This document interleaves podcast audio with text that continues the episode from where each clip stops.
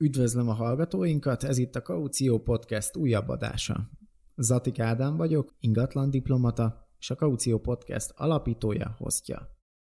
Kaució Podcastet azért hoztam létre, hogy a hosszú távú bérbeadó ingatlan tulajdonosoknak, és lényegében mindenkinek, akit érdekel az ingatlanpiac, hasznos információt, véleményt és tudást adjon szakértőktől első kézből. Szép jó napot kívánok! Szeretettel köszöntöm a Kaució Podcastnek a hallgatóit. A mai vendégem Ercsei Orbán Péter, a livlia.com online ingatlan értékesítő portál ügyvezető társalapítója. Szervusz Péter, köszönöm szépen, hogy elfogadtad a meghívásom a podcastbe. Sziasztok, én köszönöm a meghívást. Azt gondolom, hogy nagyon sok mindenről van itt miről beszélgetnünk, így ingatlanpiac, digitalizáció, nagyon sok minden történt tavaly, és így egy ilyen kezdésnek így el tudnád mondani így pár mondatban, hogy így magánemberként te így hogyan élted meg ezt a tavalyi 2020-as évet? Nagyon, nagyon köszönöm a kérdést, és ez egy, ez egy jó nehéz kérdés is egyébként. Alapvetően szerintem, hogyha bárkit kérdezünk erről, akkor mondjuk azt, hogy az emberek 90%-a, én azt gondolom, hogy borzasztó negatívan élte meg a, az elmúlt évet.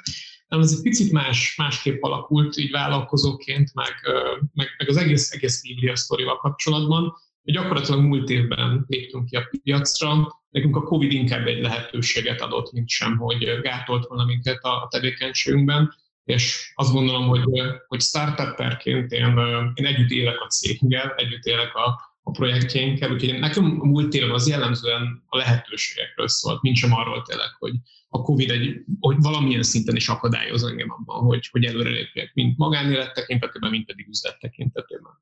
Úgyhogy Úgyhogy ebből a szempontból nekem ez egy, ez egy szuper év volt, ha lehet ilyet mondani. Abszolút, abszolút, úgyhogy mert ez egyébként szerintem így tök érdekes, de én is azt látom, hogy egy kicsit ketté vált így a, a piac, meg így cégeknél, hogy valakinek iszonyatosan jól ment, valakinek meg egyáltalán nem. Tehát szerintem egy nagyon érdekes ilyen eltérés van így iparágon, és iparágon belül is egyébként így az ingatlan piaci különböző szegmenseknél is, úgyhogy tök érdekes, na, kíváncsi vagyok. A, a, ami nekem még így eszembe jut egyébként, hogy a, a Livlia az, az minek a rövidítése, vagy hogy, hogy, hogy jött ez a név egyébként, mert ez így nem tudtam hova tenni így, így ezt, hogy live, mint élni valahol, vagy, vagy ezt hogy találtátok ki? Én azt gondolom, hogy te vagy az első, aki, uh, hogy mondjam, te vagy az első, aki ráérzett a válaszra. És abszolút ez volt. A pontosan, és, és hát már piacon vagyunk gyakorlatilag négy éven, uh, mint koncepció, mint így, mint koncepció, te vagy az első, aki erre ráérzett. Abszolút innen indult a, a, a brandnek gyakorlatilag a felépítés, vagy a brand névnek a kitalálása. Az volt a fókusz, hogy mindenképpen egy olyan nevet találjunk, ami nem jelent semmit, maximum egy érzetet kelt, és maximum egy jó érzetet kelthet, és tökéletesen tudjuk bármire brendelni. És ahogy láttuk a nemzetközi piacon, főleg az ingatlan piacon, ez egy bevált szisztéma volt, és, és így próbáltunk egy tényleg brendelhetetlen valamire felépíteni egy koncepciót, és azt látjuk, hogy sikerült. Teljesen jó. Tehát, hogy nekem is, én is semmit nem, tehát nem is kapcsoltam hozzá egyáltalán semmilyen uh, negatív, se pozitív élményt még, úgyhogy egyelőre, de ez nagyon jó. Ez, ez érdekesen hangzik. Jó, Na, ez, ez jó hallani.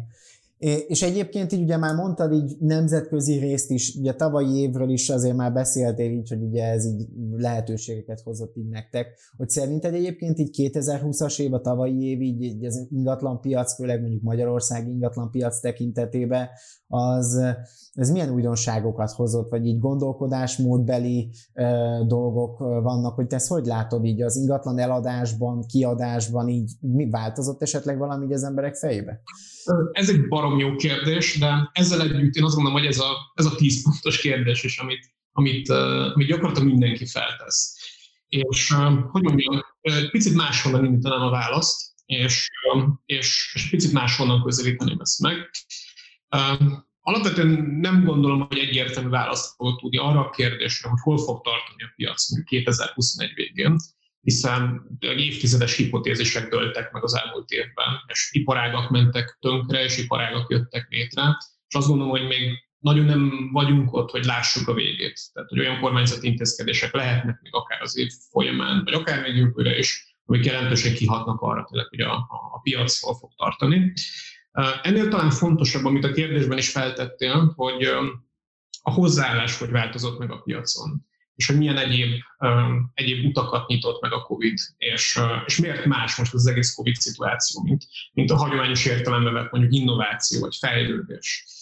És, és ezért is nagyon örülök ennek a kérdésnek, mert talán ez, ez az egyik legfontosabb tanulság, és ez talán a leg, legizgalmasabb megvizsgálni, hogy az emberi fejekben mi történt most ebben az évben, és most konkrétan fókuszálva az ingatlan piacra.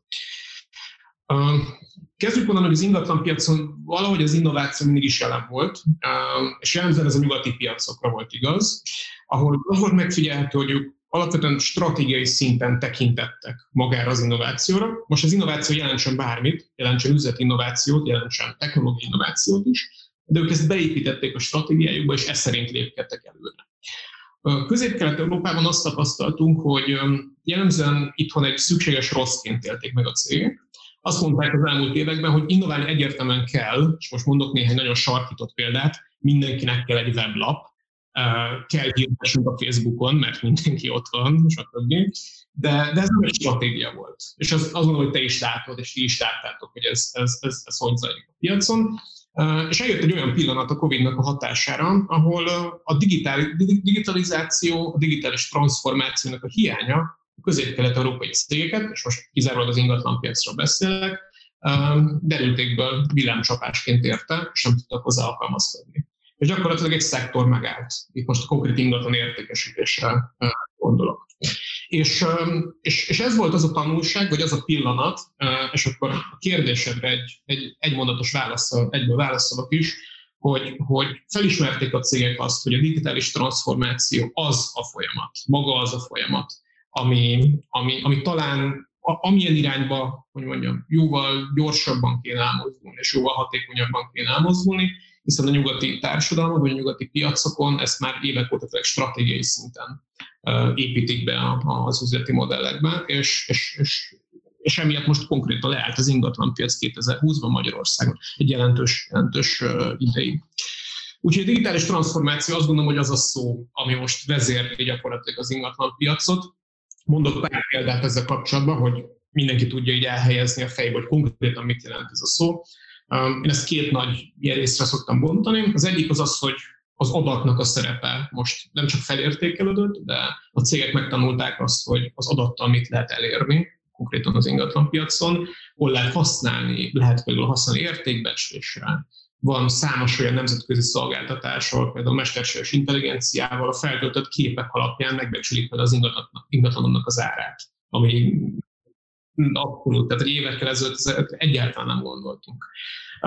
Egyre személyre szabottabbak tudnak tenni a szolgáltatások. Egyébként ez a Lidliának is az egyik leg, legnagyobb ereje. Mi alapvetően egy adatvezérelt cég vagyunk, és ezáltal tudunk hatékonyabb szolgáltatást nyújtani az ügyfeleknek, hatékonyabb hiteleket akár, hatékonyabb biztosításokat, hatékonyabb ajánlatokat, és ugye ezt mind-mind azért tudja megtenni egy cég, mert felismeri az adatban rejlő lehetőséget, és számol vele, nem csak egy szükséges rosszként éri egyik a másik azt, hogy ezt kell használni. De milyen példák például olyan új üzleti irányok is, ami jellemzően az USA-ban vagy az Egyesült Királyságban jelentek meg, szintén az adatra építve, hogy az ingatlan portálok például, ha feltöltesz egy ingatlan portál egy ingatlant, akkor adnak ajánlatot az ingatlanodra, hogy holnap megveszik cashben az ingatlanodat. Uh, ami egy abszolút, és ez egy, ez egy félelmetes innováció, nevezzük ennek.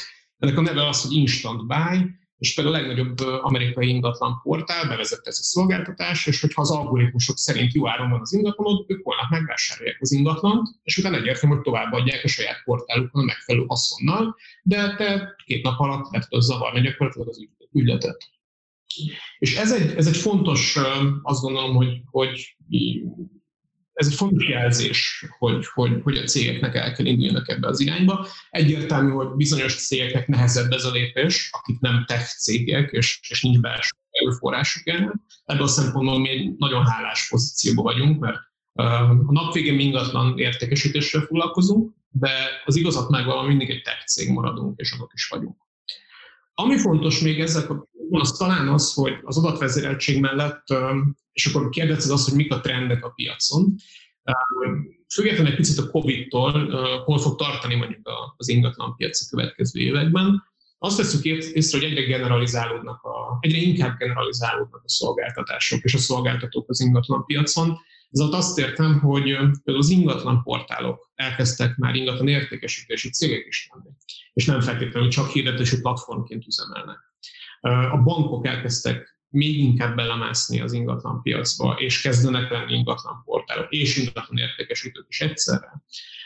Az értékesítői munkák egyre inkább automatizálódnak, szegmentálódnak, az ügyletek legnagyobb többségében már nem lesz szükség ingatlan értékesítőre. Egyértelmű, hogy van az a szegmens, és lesz az a szektor, ahol évekig szükség még lesz, és valószínűleg soha nem lehet mellőzni majd az ingatlan értékesítő szerepét, de hangsúlyozom, hogy ezek bizonyos, bizonyos ilyen nis szegmensek maradnak. De egyébként a, a fő szegmensben azt mondod, hogy, hogy akár egy a, tehát a lakás eladásoknál, vagy ilyen standard ingatlan eladásoknál, akkor teljesen az emberi tényező, vagy az ingatlan közvetítő személyek, azokat teljes egészében akkor a technológia és a digitalizáció azt ki tudja, vagy ki fogja váltani? Abszolút, abszolút. És most ne feltétlenül olyanokra gondolj, vagy olyanokra gondoljatok, hogy a hirdetéseknek mondjuk a feltöltése az automatizált folyamat nem, nem ilyen szintű digitalizációról beszélgetünk. Olyan szintű digitalizációról beszélgetünk, hogy a piacról elérhető lesz végtelen mennyiségű adat, aminek köszönhetően a hirdető, aki mondjuk egy algoritmus, ebben az esetben mondjuk a Livria, a feltöltött hirdetéseidet a lehető legpontosabban tudja eljutatni, tű pontosan ahhoz az érdeklődőhöz, akihez passzol ez az ingatlan és, és ezáltal lerövidülnek az értékesítési idők. Egyértelmű, hogy mivel nagyobb volumen tud produkálni egy ilyen cég eladásban, emiatt csökkentheti az árát a szolgáltatásnak, és a nap végén összességében csak az ügyfél érdekeit fogják szolgálni ezek a fejlesztések és ezek a nevező transformációknak, hiszen gyorsabb lesz az ingatlan értékesítés, olcsóbb lesz az ingatlan értékesítés, és, és, és az ügyfél kezében marad a teljes folyamat. És, és, és talán ez a leg, ez, ezek talán a legfontosabb ilyen jellemzői azoknak, ami, amik a következő években várnak ránk. És egyébként ez nagyon sok helyen lekövethető. Ha például megnézem mondjuk a bankkártyákkal, vagy a banki tranzakciókkal kapcsolatos innovációkat, megmondom őszintén, öt évvel ezelőtt nem gondoltam azt, hogy most lesz egy telefon a kezemben, otthon hagyom a pénztárcámat, és be tudom járni a telefonnal a világot, úgyhogy ezen keresztül fizetek, kötök biztosítást, azonosítom magamat, és, és nem fogom, nem kell elővegyem mondjuk a pénztárcámat. Átváltok át, átváltok 100 forintot, 200 forintot bármilyen pénznemre, akár úgy, hogy nincs commission, egy másodperc alatt megérkezik az utalások, teljesen elképzelhetetlen volt. Ahogy egy Covid is teljesen elképzelhető. Ahogy egy Covid. Tehát igen, egy csomó minden. És egyébként ugye ezek a külföldi trendek, amiket ugye mondtál, Amerika, Egyesült Királyság, hogy egyébként azok mennyi idő múlva jönnek el itt Magyarországra, hogy látszódik egyébként egy ilyen trend, hogy akkor amik ott megjelentek most, vagy mondjuk az előző években, akkor ez két, három, négy év múlva csapódik le hozzánk, vagy ez egyre rövidülni és rövidülni fog ez az idő? Szuper, szuper kérdés. Fontos ehhez, fontos a választ az azt látni, és azt megérteni, hogy az ingatlan piac egy picit, hogy mondjam, hálátlan, hálátlan piac, abból a szempontból, hogy nagy mértékben lokalizált. Tehát, hogy ha például az ingatlan értékesítésről beszélünk kizárólag, ami egy picit szelete az ingatlan piacnak, akkor nagyon fontos azt látni, hogy Magyarországon teljesen külön adózási, jogi és mindennek szabályozás van, mint mondjuk Ausztriában. És lehet, hogy egy szolgáltatás jól működik Magyarországon, egy ingatlan értékesítési szolgáltatás, az nem fog mondjuk működni Ausztriában. És most például megint előveszem a Libriás példát, hogy a Libria terjeszkedik a régióban, például nekünk Ausztria egy nagyon jó célpiac, mert törvényileg szabályozva van, mondjuk az ingatlan értékesítési jutalék 2%. Ezáltal ott is hatékony lesz a szolgáltatásunk, viszont az az erő, ami benne van, az, hogy, hogy olcsóbb is tud lenni a szolgáltatás, jóval olcsóbb, mint a piaci kompetitorok, igen, az ugye nem, nem, nem fogja képviselni a Így van. Úgyhogy a lokalizáltság az nagyon megvan ezekben a termékekben, és emiatt nagyon nehéz velük úgymond terjeszkedni. Emiatt amit látunk az az, hogy nem is feltétlenül cégek terjeszkednek, hanem modellek terjeszkednek, és ezeket a modelleket adoptálják egy adott országban lévő entitások, vezető entitások, és, és ezáltal azt látjuk, hogy tényleg nincsenek nagy, nagy, nagy konglomerátumok, vagy óriási cégcsoportok, akik terjeszkednek, hiszen elég nagy piacokról beszélgetünk, Egyesült Királyság, vagy, vagy az Egyesült Államok, de a modellek terjednek. És ilyen például a hibrid értékesítési modell, a hibrid ingatlan értékesítés, aminek a Livria az első szószólója Magyarországon, és gyakorlatilag ezt állíthatom, hogy mi vezettük be Magyarországra, és, és, és ez gomba volt szaporodik gyakorlatilag közép-kelet-európában.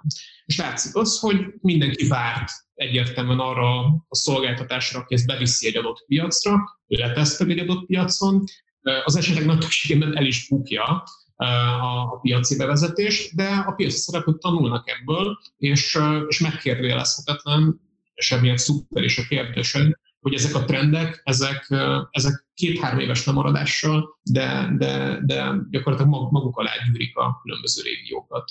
És adoptálódnak természetesen, és lokalizálódnak a És így egyébként, hogyha más országokat, ugye Ausztriát említetted példának, de mondjuk Szlovákiát, Csehországot, Lengyelországot nézzük, amik ugye mindig is kicsit hasonlítottak jobban ránk, ott látszanak hasonlóság, hogy ott is ennél a törvényi meg adózási szempontok különbözősége miatt így azért szintén vannak különbségek, vagy hogy ezeken a piacokon mondjuk már jobban látszódik, hogy milyen irányok vannak, vagy ők sem annyira uh, mentek még ebbe a digitalizált világba bele így a régiónkba? Igen, ezek, ezek, ezek piacok, amiről beszélsz, és most kiemelném például Lengyelországot. Lengyelország mindig egy, hogy mondjam, egy borzasztó fejlett piac, technológiai oldalról is beszélek, rengeteg tőkével, rengeteg erőforrással, tipikusan például a Liliának is Lengyelország nagyon jó célpiac, mert ugyanazon most idézőjelben fájdalmakkal rendelkeznek az emberek ingatlan értékesítés szempontjából. Nagyjából hasonló a demográfiai megosztás is, mint Magyarországon.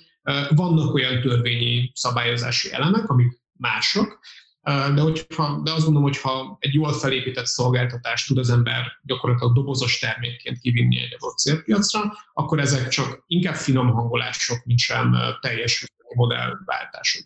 Ha azt kérdezted volna, hogy például azt mondom, hogy Észak-Amerikába kilépjen a Linear mint szolgáltatás, akkor mert egy teljesen más helyzetről lenne szó, hiszen ott például olyan alapvető jogi különbségek vannak Magyarországhoz, vagy a régióhoz képest, és inkább azt mondom, hogy az EU-hoz képest, hogy ott már alapvetően kérdőjeleződne meg a Liviának a létjogosultsága, vagy a modellnek inkább azt mondom a létjogosultsága. Mert ott ugye annyival magasabb is ugye a digitalizáció, nem? Tehát akár ugye a Zillow-t, hogyha nézzük, vagy ugye a más nagy, többi nagy portált is akár, tehát annyira előre haladtak, ugye, amit említettél ebbe az adatvezérelt e, szintre, hogy ugye, hogy, nek, a Livliának, vagy bárki, aki be akar arra a piacra törni, akkor lég, lényegesen még többet kell, vagy még magasabb szintet kell hoznia, vagy mutatnia így, amivel ugye a felhasználókat átviszi. Úgyhogy ez, ez is ez izgalmas egyébként, hogy, hogy Európából lehet, de én, de én azt látom, nem, hogy, hogy ez Európában még bőven van potenciál, nem? Tehát ugye akár Lengyelországot nézve, na mekkora piac, sokkal nagyobb uh, piacról van szó, ugye, mint Magyarország, sokkal több ember van, tehát uh, vannak potenciálok így. Már mondjuk ugye valószínűleg uh, átalakulnak. És a, ami volt kérdésem is, így a, meg akartam kérdezni, így Facebook, Google, meg nagy tech cégekkel kapcsolatosan, ugye ők is így Facebook Marketplace, meg ugye szépen lassan elkezdenek így ugye felhasználni ezt a hatalmas adathalmazukat, meg azt a lehetőséget így ingatlan hirdetések kapcsán, hogy, hogy mit látsz így velük kapcsolatosan, hogy ők fognak nagyobb szereteket kiasítani, vagy nekik ez mindig is ilyen marginális dolog lesz, hogy ingatlanokat is lehet keresni így rajtuk. Figyelj, ez egy jó kérdés, és alapvetően egy, egy nagyon nehéz kérdés. Abból a szempontból, hogy az ingatlan bármennyire is tűnik egy, egy, egy hagyományos értelemben terméknek, mégsem az. Tehát, hogyha most beszélünk arról, hogy, és akkor említetted a Facebook Marketplace-t, Beszéljünk arról, hogy most nekem van egy eladó mondjuk biciklim, azt fel tudom tölteni a Facebook Marketplace-re. Valószínűleg más meg is fogja találni ezt a biciklit, és megveszi. Ugyanez igaz a számítógépemre, a laptopomra, bármi másra. Egy ingatlan egy sokkal speciálisabb termék, és nem csak az ára miatt egyébként, hanem a lokalizáltsága miatt, és ismét, uh, ismét előjön a lokalizáltság, amire majd uh, szerintem még fogunk egy picit beszélni, mert egy nagyon érdekes témakör. Uh, a Facebook Marketplace például jelenleg alkalmatlan arra, hogy te ingatlanokat keres. Annak ellenére, hogy vannak ingatlanok. És egyértelmű, hogy a Facebooknak lenne arra lehetősége, hogy ebből építsen egy ingatlan portál szegmest is, de valószínűleg neki nem az a cél, neki az a cél, hogy a lehető legnagyobb forgalmat egy adott platformon tartsa, mivel az emberek adnak biciklit is el, meg laptopot is, de adnak ingatlant is, emiatt meghagyják nekik a opciót, hogy felrakják az ingatlanukat, de nem fókuszálnak, én azt gondolom, fejlesztést arra, hogy a lokalizáltsági igényeket gyakorlatilag kielégítsék. És, és ezáltal ez soha nem egy, egy, egy hogy mondjam, célplatform lesz, ez, ez, egy, ez egy kiegészítő platform lesz. Hozzáteszem egyébként, hogy most eladókról beszélgetünk, a kiadói piacra, amellett, hogy ugyanúgy használhatatlan Facebook Marketplace keresője, az eladói tranzakciók egy jelentős része Facebookon zajlik. Fontos egyébként még az, az, is, az a pont is, ezt korábban említetted, és ez egy picit megütötte a fülemet, és talán érdekes lehet még, hogy a digitális érettség hogy például Magyarországon mennyivel másabb a digitális érettség, mint mondjuk Ausztriában, vagy mint az USA-ban, és megéri egy ennyire digitális alapokra helyezett terméket, hogy Magyarországon elindítani. És megmondom őszintén, én voltam a leginkább meglepve, mondok erre egy, egy példát, hogy az EU-ban, hogyha ilyen értékű termékek értékesítésében szeretné részt venni, mint mondjuk egy ingatlan, akkor az ügyfelet azonosítani kell. Ha te most elmennél egy hagyományos ingatlan irodához, akkor ott az értékesítő, aki aláírja veled a szerződést, azonosít. Na most ugye nálunk fizikailag nem megy ki az értékesítő, nálunk digitálisan zajlik a szerződéskötés, mi egy videóhívás keretében azonosítunk téged. És ez így, ez így érezhető, hogy egy ember még talán aláír egy szerződést online, de az, hogy élő videó kapcsolatban őt lássák, és felmutassa a személyét, és azonosítsák, és mi egymás, ez, ez elég problémásnak tűnik. És nekünk, nekünk, vagy nekem ez volt a legnagyobb félelem a szolgáltatásunkban kapcsolatban, hogy azért nem fog működni, mert egyszerűen lesz egy olyan réteg sajnos Magyarországon, akire nem hajlandó, vagy nem feltétlenül alkalmas. És, és elindult a szolgáltatásunk novemberben, és ez volt a legutolsó problémánk gyakorlatilag. És hihetetlen látni egyébként, hogy mondjuk az, hogy digitális érettségben közepes szintű országban, mint Magyarország, az emberek készségszinten használják az eszközeiket, tudják mi az, hogy digitális, tudják mi az, hogy internetes cég, és, és belemennek abba, hogy videóazonosítsák őket, és kiadják mondjuk az adataikat egy ilyen platformon keresztül. Úgyhogy le a kalappal, és, és, és, és, és 10 pont Magyarországnak ezzel kapcsolatban is. hát szerintem ugye a tavalyi év azért ez eléggé nagyot nyomott, ugye valahol szerintem portfólión olvastam, hogy négy évet léptünk előre egy digitalizáció gyorsítás tekintetében így egy év alatt. Tehát ugye akár csak az, hogy mi is most ugye úgy beszélgetünk, hogy Zoomon keresztül, tehát és simán lehet így is beszélni. Tehát, de uh, szerinted tehát, itt az idei évben még egyébként ugye vakcina, egyebek tekintetében azért, meg az idei év is eléggé erről fog szólni, hogy ilyen visszafogott azért mindenki szerintem. Te ezt hogy látod egyébként, hogy így 2021 így milyen mozgások lesznek így itthon Magyarországon, meg akár Európában, Európa szerte így az ingatlanpiac digitalizáció témába? Hát figyelj, amikor megjelent a Covid, akkor, akkor mindenki azt mondta, hogy be fog zuhanni a teljes ingatlanpiac. Ez képest a való, és, és az egész évre be fog zuhanni a piac. Ez képest a valóság egy picit másképp alakult. A vidéki piac szempontjából például óriási nőtt a kereslet, még a masszív Covid járvány közepette is. Közben élenkült egyébként a városokban tapasztalatú érdeklődés is. Április-májusban valóban volt egy nagyobb visszaesés, de nyáron például jelentős forgalmat, vagy tranzakciókat tudtak generálni az ingatlan szektorban dolgozók. Volt egyébként olyan hónap, és nem egy hónap volt a múlt évben, amikor éves csúcsok döltek meg. Tehát ilyen volt például december, amikor tranzakciós számokban nem hogy a múlt évi évet leköröztük, de az előtte lévő éveket is leköröztük. Úgyhogy érdekes, érdekes, érdekes volt a múlt év, és még egyszer azt mondom, hogy nem feltétlenül lehet most azt gondolom, hogy jóslatokba bocsátkozni. Egyértelmű, hogy vannak, vannak valamilyen szintű uh, irányok vagy mutatók, amikből le lehet vonni következtetéseket, ilyen például, hogy 2021 végéig durván 6-10% áresés sem kizárható a piacon. Emiatt tapasztalunk bizonyos jelenségeket mi is most jelenleg a piacon, tehát milyen mértékben kezdenek mondjuk beszerződni ügyfelek hozzánk, milyen mértékben változik meg mondjuk az áralkulnak a, a, a folyamata, ami a ingatlan értékesítés során az egyik legfontosabb tényező, hogy mennyit tud gyakorlatilag a vevő lealkudni, és mennyit enged a, a, a tulajdonos, teljesen más számokat tapasztalunk, és abszolút aláírják ezeket a trendeket. Most jelenleg egy, egy gyakorlatilag egy áresésben van a piac, és évvégéig ez, ez, ez nagy valószínűséggel ki is fog tartani. Covid azért egy speciális helyzet, ugye, mint az eddigi válságok, mert, mert itt gyakorlatilag a gazdaság mesterségesen lett lassítva, és mondjuk azt idézőjelben, hogy nem ment tönkre, és ahogy pontosan, és ahogy a korlátozások megállnak, gyakorlatilag vissza, vissza, visszáll a piac egyik napról a másikra. Úgyhogy ez, ezért nehéz jóslatba bocsátkozni. Ezt értem, ez, ez egyébként ugye ahol, akikkel így beszélek, akár ingatlan piacon belül, akár kívül, tehát hogy ez tényleg kiszámíthatatlan, főleg, hogy ilyen még azért nem nagyon volt így ezt, ez elmúlt száz évben. Úgyhogy még olyan sincs, hogy ugye valaki emlékszik, hogy mit tudom én, mit meséltek neki, hogy mennyi idő alatt áll ez vissza, de érdekes.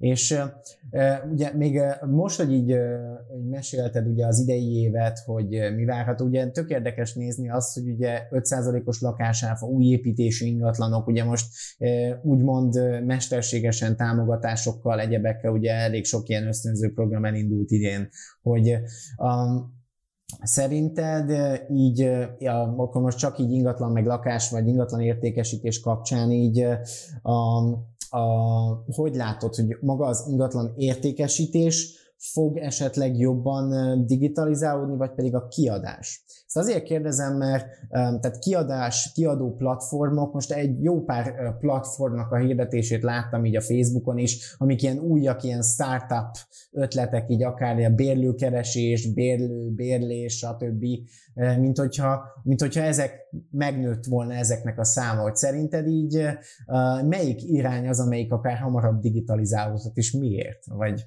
Szuper kérdés, és megmondom őszintén, ezt a kérdést még nem nagyon tették fel nekem. Um, először is azt, én azt gondolom, hogy a kiadói piac szimplán amiatt, mert gyorsabb, tehát egyszerűen gyorsabb a fluktuáció, mint, a, mint az eladói piacon, gyorsabb szerződést kötni, tipikus például nem kell azonosítsd az ügyfelet, ami egy fontos összetevője a, a, a szerződéskötésnek, tehát jóval nagyobb volumeneket lehet produkálni szerződésállományban, tranzakciókba. Én azt gondolom, hogy egy hálásabb piac ebből a szempontból gyorsabb piac, és egy tipikusan egy, egy startup esetében, aki a, az üzleti érettségének az elején tart, és még tesztel szolgáltatásokat, ez egy, ez egy jó piac, mint az eladói piac. Ezért is lehet az egyébként, hogy itt több szolgáltatást látsz, több, több induló szolgáltatást látsz, és jóval merészebben próbálnak az emberek kísérletezni, és hogyha te is belegondolsz, hogy mondjuk van egy ingatlanod, amit kiadsz, vagy van egy eladó ingatlanod, amit szeretnél eladni, egy 40 millió forintos értéktárgy esetében kevésbé szeretnél belemászni kétséges termékekbe, vagy induló szolgáltatásba, mint egy elbuksz most 100 ezer forintot egy havi bérletű díjat egy kiadásnál. Én azt gondolom, hogy ezért, ezért a, a, a kiadói szolgáltatások nagyon, nagyon tudnak működni. Másrészt a kiadói oldalon nagyon sok kapcsolt szolgáltatást lehet még hozzáadni egy terméket. Ha mondjuk kiveszi egy bérlő a, az ingatlanodat, akkor onnantól kezdve ugye nem szakad meg a, a kapcsolat, onnantól marad egy kapcsolat a bérlő és a kiadó között, és attól kezdve, hogy te a villanyszámládat hol fizeted be, és tudod leellenőrizni azt, hogy mondjuk a tulaj befizette helyetted, amit neki adtál pénzt, kezdve az állapot ellenőrzést, rengeteg mindent el lehet intézni egy ilyen platformon, és, és jól látod, rengeteg digitális megoldás jelenik meg. Itt a nehézség az talán az, hogy, hogy ezek az új szolgáltatások feltételeznek egy nagyon edukált és nagyon nyitott célközönséget is kiadói oldalon. És ez a diákokat leszámítva én azt gondolom, hogy nincs jelen. És ezért látom azt, hogy mondjuk azt, hogy jóval nehezebben növekednek ezek a szolgáltatások, annak ellenére, hogy nagyon jó ötletek vannak. És ebből a szempontból talán hálásabb az eladói piac, ahol, ahol hogy mondjam, egy sokkal konzervatívabb célközönséged van, ha megfelelő eszközökkel tudod őket megtalálni, és megfelelő erőforrásokkal, az erőforrás itt pénzt és technológiát jelent, akkor, és, és, és hogy mondjam, tudsz bennük bizalmat ébreszteni, mert jó a szolgáltatásod, akkor mm, egy hosszabb, hosszabb távon, de egy megbízhatóbb bázisra teszel szert. És tipikusan mondjuk ez az, amit mit csinálunk. És ezért látsz azt gondolom, hogy kevesebb innovációt a, a, az eladói oldalon. De ezt tök jól összefoglaltad, igen. Ezt így, így végig gondolva, meg amit így elmondtál, ez, ez, ez tényleg teljesen reális, és látszódik is egyébként, tehát uh, teljesen sokkal lassabb, meg tranzakció alapú. Tehát látni, tehát ugye uh, nem, nem hiába ugye a franchise nagy, ugye itt a, a hazai piacvezetők, meg akik ugye ilyen nagyobb cégek, azok mind ebbe inkább az értékesítésbe mennek bele, mert mert sokkal tranzakcióba alapú, és nem az van, hogy utána még menni kell, mert tényleg teljesen más az, amikor valakit ugye mi tulajként is beengedünk a lakásba, nem mindegy az, hogy milyen a személy, szeretjük, nem szeretjük, még egy adásvételnél tök mindegy, fizet vagy nem fizet, pont. És onnantól nem látjuk egymást, az kész. Tehát ez, ez érdekes. És itt, amit akartam kérdezni még, hogy most kicsit lesek, hogy a, Néztem ugye az oldalatokon, hogy, hogy ugye külföldi ingatlan hirdetési oldalakra is így felteszitek a, a hirdetést. És hogy ez, hogy ez, ez, ez miért jó, vagy, vagy ugye, vagy még koronavírus előtt, oké, okay, vagy, vagy több külföldi, tehát sok külföldi uh, befektető is jött, de, de hogy milyen, milyennek az alapkoncepciója, vagy mit láttok így benne? Szuper, szuper jó kérdés. Uh, ugye alapvetően azt, azt kell tisztázni, hogy egy hagyományos ingatlan az két, két csatornából gyűjtheti össze az érdeklődőket az állományára. Az egyik az ingatlan hirdetések, felad gyakorlatilag hirdetéseket ingatlan portálokon. Ez az egyik. A második pedig egy ügyfélkör, nevezzük ezt egy belső ügyfélkörnek, akiknek ki tudja ajánlani az ingatlant. Na most jóval fontosabb az első, a, a, a konkrét hirdetések, mint a második, mert a második az sok esetben, és itt megint a demográfia játszik, Magyarország esetében például, az emberek átlagosan egy darab tranzakciót visznek végig, csúnyán fogalmazva életük során, egyszer vesznek vagy eladnak. E, ez az ügyfélkör bármekkora is, tehát mondhatja azt egy ingatlan értékesítő franchise, hogy 50 ezer fős belső adatbázisa van, tök jó, de abból 49 ezer fő soha nem fog ingatlant vásárolni már. Úgyhogy a legfontosabb csatorna az gyakorlatilag a maga hirdetések lesznek, és ez nálunk, elmondom, hogy, hogy hogy néz ki például, és akkor nagyon jól meg fogod érteni, hogy miért van igény arra, hogy, hogy nemzetközi portálokon is hirdessük. Az első pont az az, hogy amikor mi leszerződünk egy ügyféllel, és hozzáfér gyakorlatilag a, a Livriás szerződés követő rendszeréhez, ahol teljesen transzparensen egyébként lát minden folyamatot, hányan tekintették meg az, az ingatlanát, milyen hitelajánlatokat kaphat, hol tart a folyamatban, csetelhet mondjuk a, a Livriás értékesítőjével és egyebek. Tehát amikor leszerződik az ügyfél, akkor meghirdetjük az ingatlanát. Ez egy automata meghirdetést jelent.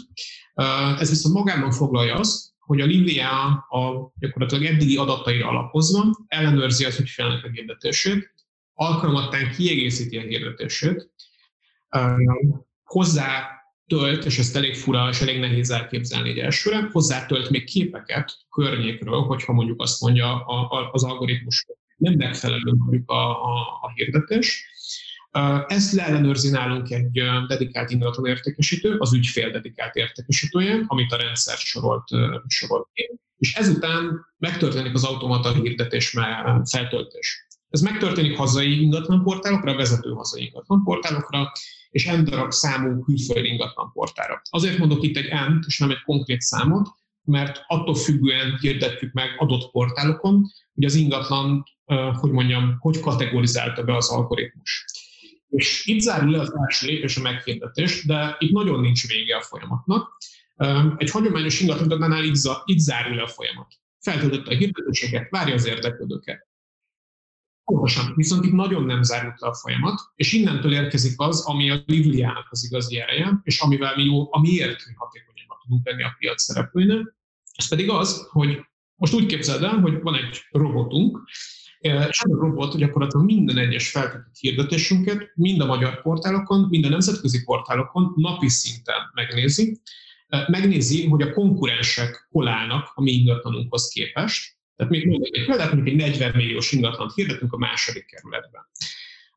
Egy konkurens is hirdet 40 milliós ingatlant a második kerületben, szeretnénk mi elé, elé kerülni, hiszen a mi hirdetésünket lássák előbb az ügyfelek, és mi ingatlanunkat vásárolják meg, akkor a rendszer erre ilyen úgynevezett krediteket pakol. Ezeket úgy képzeld el, hogy pénzért tudsz venni ingatlan hirdetőként krediteket, akinek több kredite van, azért még elő. A mi algoritmusunk azt szerint krediteli a adott ingatlanokat, hogy a lehető legjobb pozíciót érjék el a konkurensekhez képest, és ez ugye 0-24 teljesen automata, és így gyakorlatilag tökéletesen biztosítani tudjuk azt, hogy egy adott hirdetés a lehető leggyorsabban érjen el az adott érdeklődőhöz, és ha az érdeklődő betelefonál hozzánk és elkezdi az érdeklődést, akkor a lehető leggyorsabban juttassuk el a tulajdonoshoz, és adjunk meg minden segítséget online és telefonon, hogy az ügylet lezáruljon. És igazából itt ennél a pontnál van a mi erőnk, tehát az automatizmusoknál van, hogy mi nem kell fenntartsunk egy 200 fős gárdát, meg egy 100 fős értékesítői gárdát, aki fele idejében ügyfelet akvirált, ügyfelekkel szerződik, fele idejében pedig kérdéseket menedzsel. Nálunk az értékesítők az idejük 100%-ában az ügyfelekkel tudnak kommunikálni és támogatni őket, mert mindent automatizmusok végeznek.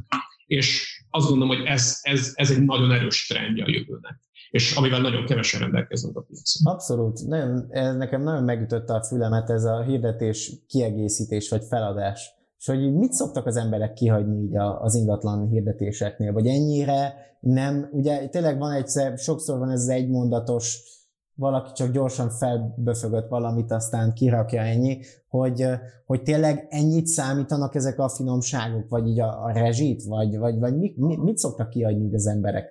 Abszolút. Hát figyelj, nagyon apró példák például, hogy a két, tehát a borítóképe például az ingatlannak. A borítókép esetében, a, és, és, és az emberek általában impulzívak. Amikor egy ingatlan portálon megnézed a hirdetést, te lehet, hogy nem tudsz róla, de abban a másfél másodpercben te már tudod, hogy az érdekelni fog, vagy nem. És ez jellemzően ugye képek alapján fog megtörténni, és erre van nagyon sok kutatás, hogy, hogy, hogy mit néz ilyenkor az ember. De például kimutatható az, hogy 10-15 százalékkal nagyobb esetben mennek el azok az ingatlanok, amiknél nem úgy csak jó a borítókép, és megfelelő a borítókép, de mondjuk a fürdő látszik rajta. Ami egy érdekes pont. Vagy például a konyha. A konyha is egy ilyen kategóriába tartozik. A nappali már kevésbé, a nappali nem érdekel, mondjuk úgy, hogy senkit az ilyen impulzív döntések meghozatalánál.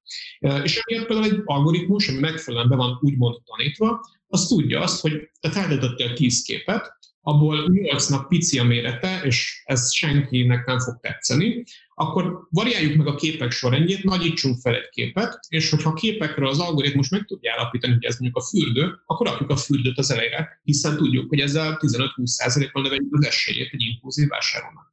De ilyen például a, a hirdetés szövegének a leírása is például, ahogy mondtad, egy soros leírások, vagy lehet mondjuk tíz soros leírás, de mondjuk az ügyfél nem tudja pontosan, hogy körülötte pontosan milyen mondjuk busz lehetőségek vannak, vagy villamos vonalak, vagy hány darab CBA van a környéken, vagy park, vagy kutyafutató, vagy akármi, akkor ez rábízhatja a rendszer, mert a rendszer bele fogja írni szövegesen, hogy amúgy az ingatlan mellett 20 darab kutyafutató van, 10 darab tökéletes futásra alkalmas pálya, 400 biciklitároló. és, és, és, és azért mégis ez egy teljesen más képet kölcsön az egy ingatlan hirdetésnek, mint sem az, hogy látsz 8 darab oda dobott képet, és tényleg egy egysoros leírást, és akkor legyen impulzív vásárló így, vagy impulzus vásárló így. Ez érdekes. Igen, és így tényleg, a, a, a, ugye, amit említettél, lokalizációt, vagy lokalizált résznél, ugye így az algoritmus, meg maga akkor a robot, így lokalizált tehát a környéken lévő sokkal több információval rendelkezik, mint akár csak egy-két ingatlanos, akinek nagyon le van specifikálva egy-egy területre, vagy és ez, ezek azok a fejlesztésünk, amiket folyamatosan vezetünk be a piacra, de hogy mondjam, ezek talán, tehát, talán nem is itt van az erőssége a Libriának, hanem már a korábban említett mondjuk azt, hogy ilyen okos hirdetésmenedzsmentben, hiszen az, az tényleg a kulcs, az a kapuja annak, hogy, hogy bejöjjenek ügyfelek, és, és, és, és őket meg tudjuk találni. Hogyha azt kérdezed, hogy tényleg mi, mi a Livlia, és, és ezt nem mondjuk úgy, hogy szavakkal kéne leírjam, és, és szavakkal fogom leírni, de ha, ha nem, hogy mondjam, ilyen marketing szövegekkel kéne neked leírjam, akkor volt egy ismerősöm az elmúlt hetekben, szuper hasonlat, azt gondolom, aki próbált eladni egy asztalt, azt hiszem, és senki nem jelentkezett a hirdetésére, pedig egy tök jó asztal volt. És még pont Facebook Marketplace-en próbált eladni ezt az asztalt, és utána rájött, hogy hát ez így nem fog működni, tehát senki nem jelentkezik az asztalra, és az asztalra rátett egy tök jó vázát. És egy picit hátralépett, és onnan fotózta az asztalt, és két perc után száz darab megkeresés érkezett, 20 perc után elvitték az asztalt. Ugyanazt az asztalt, csak fel volt kapcsolva a világítás, és rajta volt egy tök szép váza, és az érdeklődők meg is, még azt is megkérdeztek, hogy a vázát is eladják. És én valahogy így fogalmazom meg a mi létünket, hogy, és, és, és ezek vagyunk mi az ingatlan piacon, hogy persze kell a volument is produkálni, de nem abból lesz pénz a végén, hogy van 10 ezer megkötött szerződésed, hanem abból lesz, hogy van 100 megkötött szerződésed, és abban 80 után eladsz hú végén. És ehhez viszont apró nüanszok kellenek, de azok az apróságok fognak hozzásegíteni ahhoz, hogy hatékony legyen.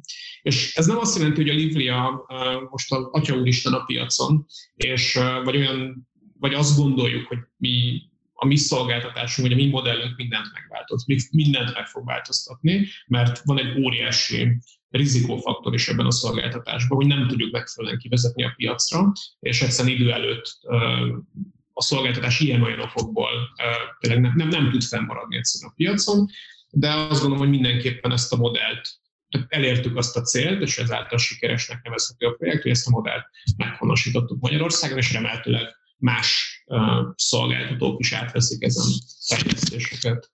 Tehát itt ugye nekem kapásból most az jut eszembe, hogy ugye néztem, hogy az OTP-vel, úgymond OTP ingatlan ponttal milyen stratégiai együttműködésben vagytok, tehát ez már egy, egy egész jobb visszajelzés így ugye nem a piacról is, hogy, hogy egy ekkora szolgáltató, vagy ekkora bank ilyen háttérrel akkor veletek, tehát látja ő is azt, hogy a, lát fantáziát ebbe is potenciált, úgyhogy Abszolút, abszolút. Ez nekünk is egy nagyon szuper visszajelzés, és, azt gondolom, hogy egy olyan szolgáltatóval, mint mondjuk az OTP ingatlan, pont tökéletesen ki tudja egészíteni magát a Livia, és az OTP ingatlan pedig ki tudja egészíteni magát a Liviával, hiszen egy teljesen más mondjam, célközönségre lő a két szolgáltatás, és, és, és emiatt jól megférnek egymás mellett a piacon. Nagyon, nagyon szuper, úgyhogy tényleg gratulálok hozzá. Ut- utolsó kérdésként Uh, így összefoglalva, ugye beszélgettünk nagyon sok mindenről, digitális transformációról, jövőről, 2020-ról, ingatlanpiacról. Ugye, ugye mi egy ilyen ingatlan tulajdonos, hosszú távú ingatlan bérbeadó közösség vagyunk, hogy, hogy összegzésként mit tanácsolnál így az ingatlan tulajdonosoknak, akik ugye kiadják vagy akár el akarják adni így az ingatlanjukat így a jövőre nézve, hogy, hogy hogy álljanak hozzá ezekhez, amik várnak rájuk. Figyelj, én azt gondolom, hogy a bérbeadói szegmens 2020-ban mondhatjuk, hogy az évtized legrosszabb évét zárta. Egyrészt direkt, direkt módon a Covid miatt, másrészt direkt módon a turizmus visszaesése miatt. Mi is, mi is tapasztaljuk, hogy olyan jelenségek vannak a piacon, de ezt gyanítom, ti is látjátok, hogy ötödik életi hotelek árulnak középhosszú távú bérleti díjon, ahol, ami évekkel ezelőtt vidéki ingatlanok bérleti díja volt. És, és, és, és, és, pont ezek mellett természetesen a turizmus megszűnése miatt a rövid távú befektetési célra vásárolt, vagy később kiadott ingatlanok forgalma gyakorlatilag megszűnt, és, és most a felük vagy kikerült a hosszú távú piacra, a másik felük pedig eladósorba került. Úgyhogy nagyon érdekes a, a helyzet, és, és erre a kérdésre is viszonylag nehéz válaszolni. Az biztos, hogy a, én azt gondolom, hogy a határok újranyitásával, és remélhetőleg ez az évben, és, a harmadik negyed évben meg is fog történni, turizmus beindulásával, a hotel és az Airbnb piac az, az újraindul, a rövid távú ingatlanok újra kiadásra kerülnek, mármint azon ingatlanok, amik addig nem kerültek eladósorba, és ennek lesz, biztosan lesz egy árfelhajtó hatása, és ez a jelenlegi árszínvonal, ahol tartunk a bérleti piacon, ez az ideig óráig fog megmaradni. Így összességében én azt tanácsolnám, hogy aki eddig hosszú távú bérbeadással foglalkozott, az várjon ki még, várjon ki még, és maximum rövid távú bérleti szerződéseket kössön. Aki pedig vállalkozóbb szellemű, annak lehetséges, hogy 2020 második negyedébe lesz a pillanat, amikor akkor tényleg érdemes megfontolni azt, hogy értékesítse az ingatlanát.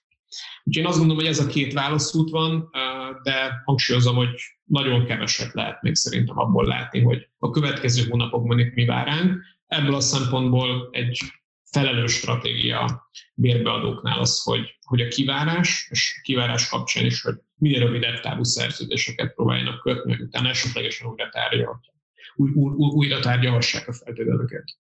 Abszolút. Jó, nagyon, nagyon jó végszó volt, amit így mondtál, úgyhogy hát igen, izgalmas, izgalmas év lesz, izgalmas évek lesznek, úgyhogy nagyon szépen köszönöm a beszélgetést, nagyon-nagyon sok érdekes adatot is hoztál, nagyon sok érdekes témát hoztál, tehát ami, ami azt gondolom, hogy érdemes így kitekintgetni azért, hogy mi történik a világban, mert előbb-utóbb azért lelecsapódnak ezek itthon is nálunk, és jó így olyan valakivel beszélni, aki ennyire képbe van így ezekben. Nagyon örültem. Köszi szépen!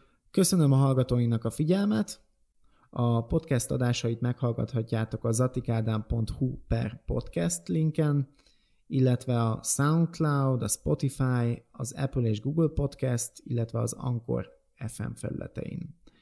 Újabb kérdéseiteket azt pedig az atikádám.hu weboldalon található elérhetőségeken, illetve Facebook, Instagram és LinkedIn üzenetben is elküldhetitek. Köszönöm a figyelmet! Sziasztok!